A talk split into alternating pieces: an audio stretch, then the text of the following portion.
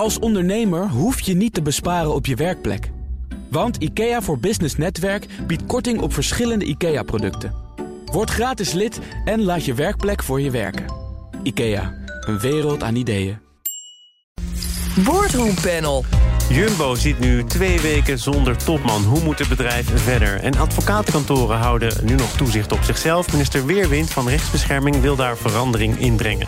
Dat en meer bespreek ik eh, in het Boardroom met Leen Paap... hoogleraar Corporate Governance verbonden aan de Nijrode Business Universiteit... met de kortste aankondiging uit jouw carrière bij het Boardroom Panel. Ja. Welkom Leen. Dankjewel. En Lieve de Klerk doen we ook gewoon kort vandaag. Directeur van SPI Nederland. Welkom. Dankjewel. Laten wij eh, beginnen bij Jumbo, want uh, zit nu twee weken zonder topman. Frits van Eert uh, zit niet meer vast... maar kan door het lopende onderzoek naar witwaspraktijken... niet terugkeren bij de supermarktketen. Open vraag, Leen. Uh, is dat... Nee, hoe erg is dat anders? was een gesloten vraag. Um, nou, ik denk dat het uh, uh, voor de korte termijn wel meevalt. En op de langere termijn is het natuurlijk vervelend. Dus uh, hoe lang het zal duren, weet ik niet. Maar in ieder geval geen jaar. Dus het zal misschien één of twee maanden duren. En dan komt er duidelijkheid. En dan vrees ik toch dat het niet houdbaar is. Waarom zeg je overigens geen jaar? Want ik geloof dat er wel iets over opgenomen is in bepaalde codes. Hè? Een raad van ja. commissarissen moet pas na een jaar echt een vervanger aanwijzen. Ja, dat is natuurlijk een hele lange termijn. En in de praktijk blijkt dat toch niet goed werkbaar. Dus ik denk niet dat het zo lang zal duren. Ik heb uh, de kranten erop nageslagen. Ik ben jouw naam ook een paar keer tegengekomen ja. rond deze kwestie. In NRC bijvoorbeeld. In de statuten staan bepalingen over wanneer je als bestuurder niet meer actief kunt zijn als je ontoerekeningsvatbaar bent. Maar de vraag is: wat staat er over een scenario waarbij je bestuurder, al is het maar voor even, in de gevangenis eindigt? Ja. Ben je inmiddels uh, een antwoord rijker of is dat nou, nog steeds een vraag? Dat, dat uh, staat er niet in. In de statuten wel. Als je natuurlijk veroordeeld zou worden, dan is het einde oefening. Maar in dit geval is hij Dus je hebt nog geen veroordeling. En dan staat er niet in de statuten dat je dan niet meer zou kunnen functioneren. Maar in de praktijk is dat natuurlijk uh, wel zo. Dan is het toch echt moeilijk. Lieve, wanneer denk je dat je deze lege stoel in de bestuurskamer uh, echt zal gaan merken? Uh, ja, op een gegeven moment misschien twee, drie maanden. Je gaat het wel, je gaat het wel vrij snel werken. Niet inderdaad na twee weken. Maar uh, het is niet alleen maar de lege stoel, maar het is ook wat je daarmee wilt uitstralen. Uh, de continuïteit van het bestuur straalt toch af ook naar uh, de hele populatie van uh, de medewerkers. Dus ja, ik denk dat het ook getuigt van krachtig leiderschap als een raad van commissarissen vrij snel zegt van we hebben altijd iemand klaarstaan, er kan iemand ad interim inspringen. Uh, ja, wanneer ga je echt een debakel krijgen? Ja, zelfs niet na twee of drie maanden. Maar denk voor de onderneming is het gewoon wel goed. Jumbo heeft overigens wel heel snel gezegd, ik geloof na één of twee dagen al, dit betreft Van Eert, dit is niet Jumbo. Uh, dat moeten we gescheiden zien. Is dat ook een slimme reactie? Ja, dat lijkt mij zeker een slimme reactie. Want stel je voor dat het wel gekoppeld is aan Jumbo. dan moet je je hele commerciële uh, propositie uh, anders gaan uitleggen. Ja, ik vraag het maar, ja. omdat er ook uh, bepaalde spullen zijn meegenomen. Ik geloof ook auto's die toch wel degelijk geparkeerd stonden. Ik geef toe, het lijkt in detail op het terrein van Jumbo. En aangezien Jumbo een familiebedrijf is en Frits van Eert daar toch de belangrijkste man is, is het misschien ook kunstmatig om dat helemaal te scheiden. Ja, maar ik zou het als raad van commissarissen ook gedaan hebben. Omdat het, dat je, uh, het een hele ingewikkelde boodschap is als je dan moet zeggen van oh nee, het betreft ook Jumbo. Want dan ga je eigenlijk al bijna impliciet zeggen van maar wij binnen Jumbo hebben een hele verkeerde cultuur als het gaat over belastingen, over uh, integriteit van zaken doen. Dus je, je kunt ook niet anders dan in eerste instantie deze reactie geven. Ben je daarmee eens? Ja, waar. Uh, Jumbo is geen verdachte. Dus in die zin is het ook correct wat uh, Jumbo zei. Het enige wat nog wel waar is, denk ik, is... oké, je bent topman en dan heb je natuurlijk ook altijd een zeker exposure. En dan moet je denk ik wel goed nadenken over met wie heb ik relaties. Als ik bestuurder word bij een pensioenfonds of bij een verzekeraar... wordt mijn doop stilgelicht. En dan moet ik een verklaring omtrent gedrag hebben. Kortom, dan moet je wel even nadenken over... zijn er dingen die misschien van belang kunnen zijn. Uh, waarmee je een ander besluit had kunnen dus nemen. Dus je moet hier ook niet al te voorbarig in zijn, in ieder geval. Nee, ook dat niet. Maar goed, uh, ook uh, meneer Van Eert had zich natuurlijk in een eerder stadium ook wel de vraag kunnen stellen: met wie heb ik relaties en is dat passend? En kan dat, commissarissen ook, hè? En commissarissen ja. ook, ja, ja, zeker. Ja. Eh, Steven Schuit zegt in het FD over die vraag... Uh, hoe lang kan een bedrijf nu zonder topman? Alles zal afhangen van de kwaliteiten van het tweede echelon. Dus de laag daaronder. Um, kun je dat meteen uh, goed inschatten? Of daar iemand zit die de honneurs kan waarnemen... of die het zo goed kan doen... of dat hele tweede echelon als geheel... dat die topman of topvrouw wel eventjes kan worden opgevangen? Als het, als het goed is in die Raad van Commissarissen, werkt in een remuneratiecommissie goed, dan is er altijd een plan beschikbaar. Want morgen kan er ook een ongeluk gebeuren. Zo'n ernstig ongeluk dat je eh, gelijk voor die vraag gesteld wordt. Dus in een, in een goede onderneming, ook in een familieonderneming, of welke onderneming dan ook, ben je voorbereid op de opvolgingsvraagstuk. Dat is een van de belangrijkste taken van die commissie. Ja, maar je weet nu niet of je te maken hebt met een opvolgingskwestie of met een tijdelijke periode waarin de topman niet beschikbaar is. Maar ook dan, in die vraagstukken moet je je stellen. Je hebt altijd een vraagstuk van wie is je immediate replacement, wie kan onmiddellijk inspringen wie is je korte termijn uh, vervanger en opvolger en wie is je wat langere termijn opvolger. Dus wie stoom je al klaar?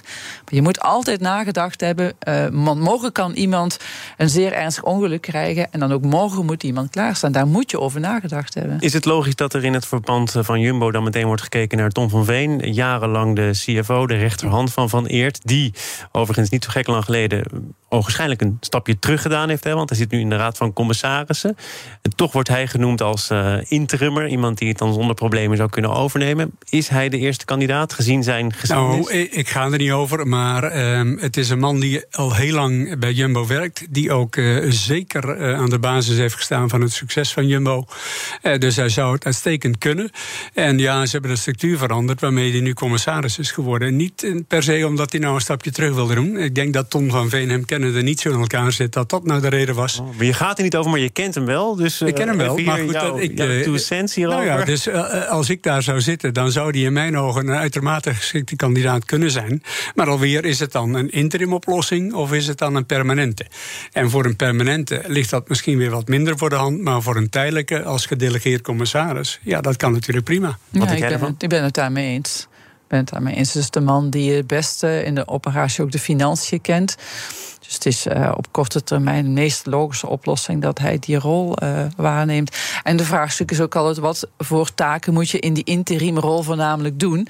En uh, die zijn dan misschien wellicht wat minder strategisch en wat minder uh, naar buiten treden. Op de winkel de, passen. Op de winkel passen, ja. de continuïteit. En dat heeft toch meer die, ja, de control kant, de finance kant. Uh, dus die, die elementen zouden het beste passen. We gaan naar de juridische kant.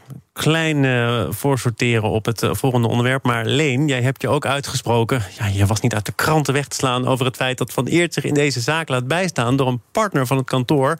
Dat ook nog de huisadvocaat is van Jumbo. En je zegt. Het zal vast goed overwogen zijn, maar de schijn van mogelijke belangenverstrengeling of conflicten van belangen moet je ten koste van alles proberen te voorkomen. Ja, bij twijfel niet aanhalen. Uh, dus uh, er is al heel veel gezegd over het inhuren van je eigen advocaat voor andere onderzoeken dan datgene wat je traditioneel vraagt. Dus in dit geval, als je Jumbo uit de wind wil houden, ja, dan is het natuurlijk toch bijzonder als je de advocaat, de huisadvocaat van Jumbo inhuurt voor in dit geval de privé meneer in, in de meest penibele situatie die je maar kunt ja. indenken. Je hebt een jarenlange relatie met een advocaat... die in het verleden ook goede dingen voor je heeft gedaan. Nou, nou moet hij echt eventjes ja. waar voor zijn geld leveren. Uh, jij zit, zoals gezegd, in een benarde positie. Ja.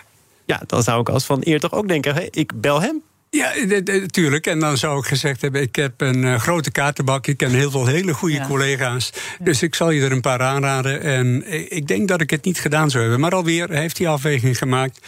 Het kan. Uh, is het verstandig? In mijn ogen niet. Nou, wat mij daar ook weer opnieuw in fascineert, is dat die raad van commissarissen dan ook niet die waarschuwing. Uh, dus de bevraging al waar we het net over hadden.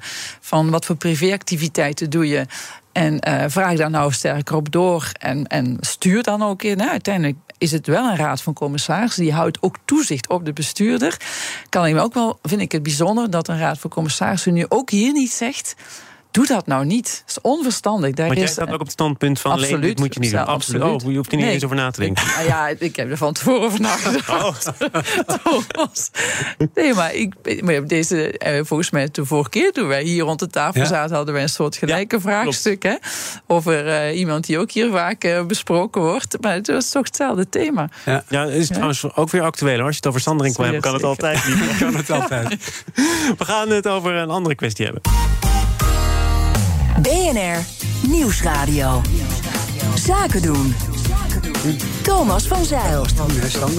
Dit halen nog even herinneringen op. Het boardroompanel. Ja, ja, ja, Lieve de Klerk. Minister Weerwind van Rechtsbescherming heeft een plan gepresenteerd... om een landelijke toezichthouder op de advocatuur in te stellen. En die zou dan de elf regionale toezichthouders moeten vervangen. Voordat we het overzicht totaal kwijtraken, is hier Leen Papen. Je hebt het oude systeem en het nieuwe systeem. Wat zijn de belangrijkste verschillen? Nou, het verschil is, uh, toezicht was uh, voorheen natuurlijk voorbehouden aan de dekens uh, in, diverse regio's. En nu komt er dan een driemanschap die toezicht gaat houden op de advocatuur. De dekens worden nu wel gebruikt, maar er wordt als het ware een laag aan toegevoegd. En om het nog iets te compliceren, die LTA, die toezichthouder, die gaat bestaan uit drie advocaten. En daar komt dan weer een toezichthouder op de toezichthouder. Ik vind het een uitermate gekunstelde constructie, waarvan ik denk hoe heb je het kunnen bedenken? Nou, je hebt het in ieder geval moeten bedenken, omdat de, de huidige vorm van toezicht ook zo zijn gebreken kent. Want wat, wat gaat daar dan vaak mis? Nou ja, dat is gebleken. Dus er zijn nogal wat uh, Is er één incidenten geweest waarbij bleek dat dat toezicht door de dekens niet goed functioneerde. Max Moskovits was ook zo'n voorbeeld. En uiteindelijk was dat niet meer droog te houden. En advocaten roepen natuurlijk moord en brand. Het moeten advocaten zijn, geheimhoudingsplicht. En ik denk dat het allemaal uh, flauwekul is, als ik het even onerbiedig en plat zeg. Bij de accountants is dat natuurlijk ook zo gebeurd. Hè. Uiteindelijk was dat ook intern toezicht via de beroepsorganisatie. Dat is daarna uh, voor de grote kantoren overgegaan naar de AFM. En inmiddels zit ook uh, de hele sector onder toezicht van de AFM. En ik voorspel dat dat bij de advocaten ook zal gebeuren. Maar het is voor advocaten dus ook een principiële kwestie om dat toezicht in eigen kring te organiseren, omdat ze zich uh, beroepen op het verschoningsrecht. Ja. Moet je misschien toch nog even kort uitleggen. Ze willen eigenlijk zo min mogelijk overheidsbemoeienis. Niet per se omdat ze afkerig zijn van de overheid, maar omdat dat hun eigen beroepsschade of hun eigen praktijk zou kunnen schaden. Gewoon omdat ze dat vak dan minder goed zouden kunnen uitoefenen. Wel nee, dat is natuurlijk niet waar. Je kunt dat uh, toezicht ook uitoefenen en dat verschoningsrecht honoreren. Dus je hoeft het niet over individuele zaken te hebben. En die hoef je al zeker niet uh, aan het licht te brengen als toezichthouder. Dus ik denk dat het gezochte argumenten zijn. Ik snap het wel, want ze willen natuurlijk de zaak toch liever zo dicht mogelijk in eigen hand houden. Nou, lieve, het is inderdaad ook hier een vaker besproken onderwerp, omdat er zo vaak iets misgaat rondom het toezicht op de advocatuur. Leen zegt je moet ingrijpen, maar ik had het zelf toch wat anders gedaan zoals het nu georganiseerd lijkt te gaan worden. Uh, snap jij zijn bezwaren? Ik snap ze heel erg. Als ik, eh, als ik lees dat die Financial Task Force die witwaswetgeving regelt, dat sinds 2012 al 40 aanbevelingen gedaan heeft. En als, je dan, als ik nu lees wat bijvoorbeeld een reactie is op deze recente aankondiging van de Dekenberaad, uh, dan staan daar allemaal zaken in waarvan ik dacht van, je hebt zoveel jaren de tijd gehad om het strak te organiseren. En een van de dingen bijvoorbeeld die ze verweten wordt, is dat men uh, veel te veel gebruik maakt van de informele maatregelen. Dat betekent dus, je hebt een scala van maatregelen waar je echt handeling kunt doen, waar je kunt echt stevig kunnen ingrijpen, maar die dekens die doen dat niet. Waarom doen ze dat niet? Omdat, precies zoals Leen zegt, hè, het, het is bij elkaar, uh, laten praten. Eén keer per tien jaar wordt maar een advocatenkantoor bezocht. En nu schreven ze moord en brand. Maar dat is te laat. Je had al die tijd kunnen ingrijpen. dus hoe serieus uh, uh, wordt de toezicht eigenlijk gedaan? Maar je zegt, door dat gebrekkige ingrijpen van de afgelopen jaren, roep je dit nu op jezelf af? Dat zeg ik wel degelijk, ja. ja. En, uh, maar is deze vorm van toezicht dan wel een echte verbetering? Want het ja, dat komt vraag ik mij dus af. Ja, dat, dat, vraag ik me af, want uh, de, het is misschien nog maar aan het begin. Hè, en men kondigt het nu aan. Maar nergens lees ik, we moeten ook uh, op het gedrag van de dekens. Nee, sterker nog, het moeten weer opnieuw advocaten zijn. Ik zou dus bijvoorbeeld hier zeggen: laten we hier nou eens een keer hele jonge, frisse mensen inzetten. Hè, met een niet corrupte blik op de wereld nog. Die, uh, en, want wie gaat daar zo zo meteen in zitten. Wat, zeg je dan over de huidige stand van zaken binnen de advocatuur? Als... Nog niet corrupt, dat wil zeggen de huidige populatie. Nou, dat is misschien. Nee, zo bedoel ik het. Zo, nee, maar je, je begint zelf met. Uh, een van de regels is in de maatschappij. Kijk daar op die manier ook zo naar. En dat men aan de rand van de gedragslevens opereert. Natuurlijk, dat is generaliserend. Daar realiseer ik me ook wel. Maar dit toezicht. Uh, dat nu ge, uh, versterkt wordt.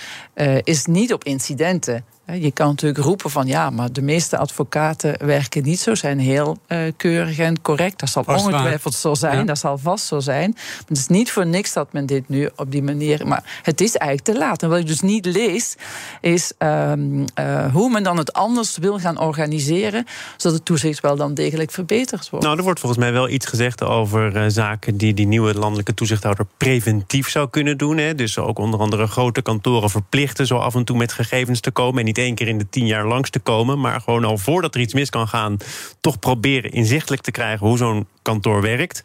Is dat dan toch ook niet een stap vooruit, Leen? Jawel, uh, ik denk dat het een stap vooruit is. En natuurlijk, uh, hoezeer het ook helpt, uh, de tijd zal het leren. Jawel, het is beter, maar het is niet goed genoeg. En dus, als je dan toch een keer het stelsel verandert, doe het dan in één keer goed. Hè. Kijk hoe dat in andere gevallen is geregeld, zoals bijvoorbeeld bij de accountants. En leer daarvan en probeer dan maar gelijk in de zone te maar ben je komen. tevreden over hoe dat dan gaat nu bij de accountants? Het antwoord is, uh, ik denk dat het uh, goed is uh, en beter is dan in het verleden. Dus ik denk dat dat wel een best practice is. En natuurlijk, op papier is alles geduldig. Het gaat om de praktijk. En ik denk dat dat inmiddels ook een stuk adequater is geregeld dan in het verleden het geval was. We gaan naar de ruim 900 Nederlandse bedrijven die feitelijk in handen zijn van China, in Chinese handen zijn. Blijkt uit onderzoek van Follow the Money en RTL Nieuws. Experts maken zich zorgen dat ze op deze manier makkelijk kunnen spioneren bij Nederlandse bedrijven. Lieve, ik kijk naar jou. Je hebt een uh, verleden bij een groot waterbedrijf, Vitens. Je werkt nu uh, bij een bedrijf dat het moet hebben van technologie. Uh, komen hier termen over de tafel als spionage. Is dit bij jullie een gespreksonderwerp? Dat is bij ons concreet in de bestuurs, de bestuurstafel geen onderwerp. En dat heeft echt wel te maken met dat wij vrij, ja, vrij lokaal in West-Europa opereren. En dat doen we voor een breed areaal van klanten, waarvan ongetwijfeld daar een aantal in handen zijn van wat voor aandeelhouders dan ook. Uh, net zozeer dat we werken voor klanten die uh, een hele innige handelsrelatie met China maar onderhouden. Maar wat voor aandeelhouders dan ook? Is dat niet iets te nonchalant gesteld? Uh, nee, zo kijken wij daar niet naar. we doen zaken met kruidvat in handen van Chinese onderneming. Weten veel mensen niet. Uh, we doen uh, handel met uh, Aus Nutria en handelen van Chinese werken, produceren babymelk. En dat wordt niet extra gescand? Wordt zeker niet. Nee, wordt niet en dat gescand. gaat wel, wat, wel, wat wel gebeurt is natuurlijk, stel dat je ook producten zou leveren. Hè, soms leveren wij producten en daar zijn wij heel strak in. Dus naar waar exporteer je? dat, dat, is geen, dat is geen twijfel over. Hè, maar dat is het gewoon strak volgen van overheidsinstructies. Uh, maar de relatie in de, in de aandeelhoudersstructuur is bij ons in ieder geval niet een thema op de, in de boardroom. Snap je dat het bij andere bedrijven, goede verklaringen van Lieve, maar wel een thema is? Zeker. Als je ASML heet, dan is dit een ongelooflijk belangrijk thema. En want je hebt te maken met Amerika, die wil niet dat China jouw technologie uh, krijgt. En China wil natuurlijk wel die machines. En als je daar niet kan verkopen, omdat Amerika dat niet goed vindt, dan heb je natuurlijk wel weer een forse deuk in je omzet. Dus in een bedrijf als ASML is dit een ongelooflijk belangrijk thema. En ook spionage trouwens. Er, er, is wel het een en ander veranderd in onze omgang met Chinese bedrijven. Er is trouwens ook een, een veiligheidstoets nu van kracht bij fusies ja. en overnames binnen vitale bedrijven. De haven wordt genoemd, waar Chinese bedrijven ook een grote voetafdruk hebben. Kun je wel zeggen dat Nederland dus alerter is geworden? Jawel, maar natuurlijk niet alert genoeg in die zin. We hebben een China-strategie bedacht als, uh, als land. Uh, maar we weten wat China wil. Dat, daar maken ze geen geheim van. In 2049 de grootste economische macht en politieke macht ter wereld. We weten ook hoe ze dat doen. De AIVD schrijft er ook elk jaar over. dus ja, je moet niet naïef zijn. En je kunt ook kijken naar wat er nu gebeurt met Rusland. hoe dat ook in de geopolitieke verhoudingen het nodige verandert. Dus ik zou zeggen, alle bedrijven bedrijven die ook uh, zaken doen, ook al is het West-Europa, uh, ga er toch maar een keer over nadenken. Dit is een aansporing. Ja, het is een, een, een, een, suggestie en, aan Lieve. En wat moet Lieve dan doen? Een beetje nadenken? Of meer nou, je moet, je moet nadenken over wie je aandeelhouders zijn. Wat zit daarachter? Wat zouden de belangen kunnen zijn? Omdat je, nogmaals, je moet niet naïef zijn. De, de, het doel van dat soort landen is evident toch om invloed te krijgen, dan wel technologie en kennis en kunde en je moet ook liever naar binnen aankijken. te halen. Ja, maar Dus dan, lieve, ik wil het eh, toch wel dan... eh, Oké, dan doen we morgen geen zaak. Niemand koopt meer bij Kruidvat, hè, morgen. Dan stoppen we met kopen. We laten ons niet. afval niet meer verbranden bij de AVR in Rotterdam. En we kopen geen babymelkpoeder meer van... eh, en zo kan ik wel een beetje doorgaan. Ja, eh, zeker, Het het is- is niet is- eenvoudig. Dus ik zeg niet dat je eh, drastisch op die manier eh, afscheid moet nemen van wat dan ook. Maar je moet wel nadenken over je belangen. En dat zou je liever niet doen op die manier. Maar helaas leert de politiek eh, op wereldtoneel dat je dat toch maar beter wel kunt doen. Kijk, hoe wij er bijvoorbeeld wel over nadenken, is dat eh, ook vandaag ochtend weer relevant met Nord Stream, is eh, hoe kunnen wij de overheden en bedrijven beschermen in hun cybersecurity bescherming en de operationele technologie. En niet zozeer in de informatietechnologie, maar in de operationele technologie. Dus wij ontwikkelen proposities eh, die ervoor moeten zorgen eh, dat dit eh, tegengehouden Dus wordt. die En Chinese dreiging is eigenlijk voor SPI ergens ook goed nieuws. Want dan zullen bedrijven. en Maar eigenlijk zou je dat misschien nog wel Ja. zo kunnen zeggen. Maar dat is ook onderdeel van de China-strategie. Staat duidelijk in dat Nederland en Europa cyberweerbaarder moet worden. Dat we moeten investeren in onze eigen high-tech. Dat we niet inderdaad naïef moeten zijn. Dat staat daar letterlijk in. Ja, wij zijn een soort bedrijf dat in die keten dan vervolgens daarin opereert. Het was te kort en dat is een goed teken. Leen Paap, hoogleraar Corporate Governance aan de Nijrode Business Universiteit. En Lieve de Klerk, directeur van SPI Nederland. Dank voor jullie komst. Graag gedaan. Graag gedaan. Het inrichten van je eigen zaak is best wel wat werk. Daarom biedt IKEA voor Business Netwerk 50% korting op interieuradvies. Word gratis lid en laat je werkplek voor je werken. IKEA, een wereld aan ideeën.